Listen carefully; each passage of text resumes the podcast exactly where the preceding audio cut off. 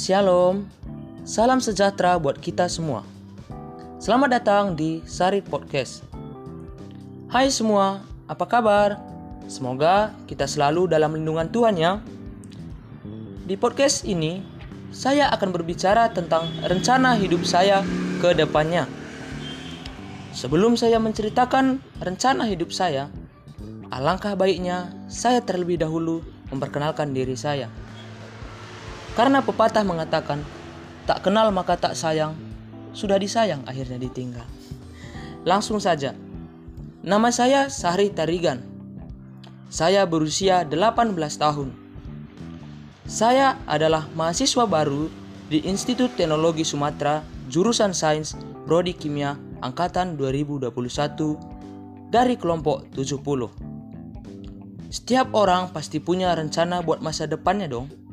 Yaps, saya sendiri punya rencana di masa depan. Apa aja sih itu?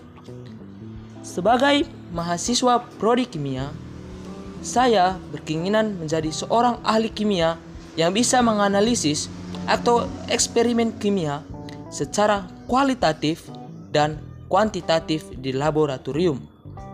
Menjadi seorang Research and Development atau RNP dan yang terpenting bisa membahagiakan dan mengangkat derajat orang tua.